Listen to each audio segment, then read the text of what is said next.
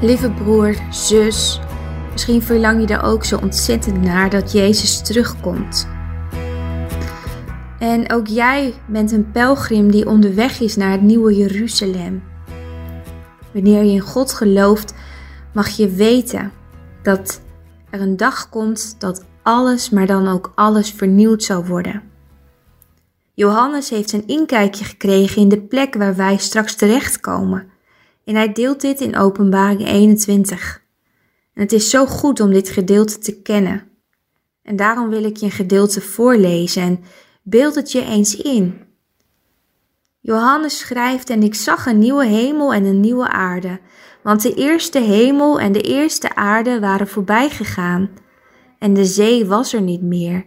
En ik, Johannes, zag de heilige stad, het nieuwe Jeruzalem, neerdalen van God uit de hemel, gereed gemaakt als een bruid die voor haar man sierlijk gemaakt is. En ik hoorde een luide stem uit de hemel zeggen: Zie, de tent van God is bij de mensen, en hij zal bij hen wonen, en zij zullen zijn volk zijn. En God zelf zal bij hen zijn en hun God zijn.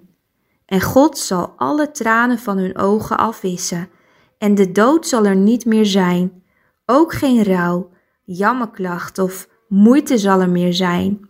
Want de eerste dingen zijn voorbij gegaan, en hij die op de troon zit zei, zie ik maak alle dingen nieuw. En hij zei tegen mij, schrijf, want deze woorden zijn waarachtig en betrouwbaar.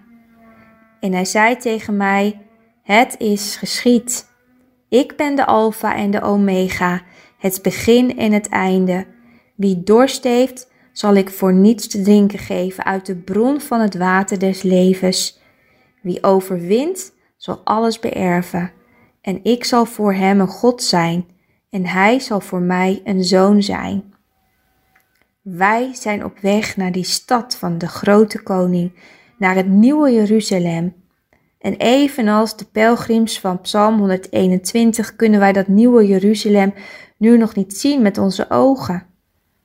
Als je om je heen kijkt, kun je je haast niet voorstellen dat er zo'n heerlijke plek voor je in het verschiet ligt. Net als de pelgrims uit het Oude Testament zie je soms niets anders dan bergen, gevaar en moeilijkheden. De Israëlieten zagen niets anders dan droogte. Ze waren vermoeid van de barre tocht door de woestijn. Ze bleven staren naar hun omstandigheden. Ze mopperden op hun leiders. Wat zou het goed geweest zijn wanneer ze hun ogen hadden opgeheven, zoals de pelgrims uit Psalm 121?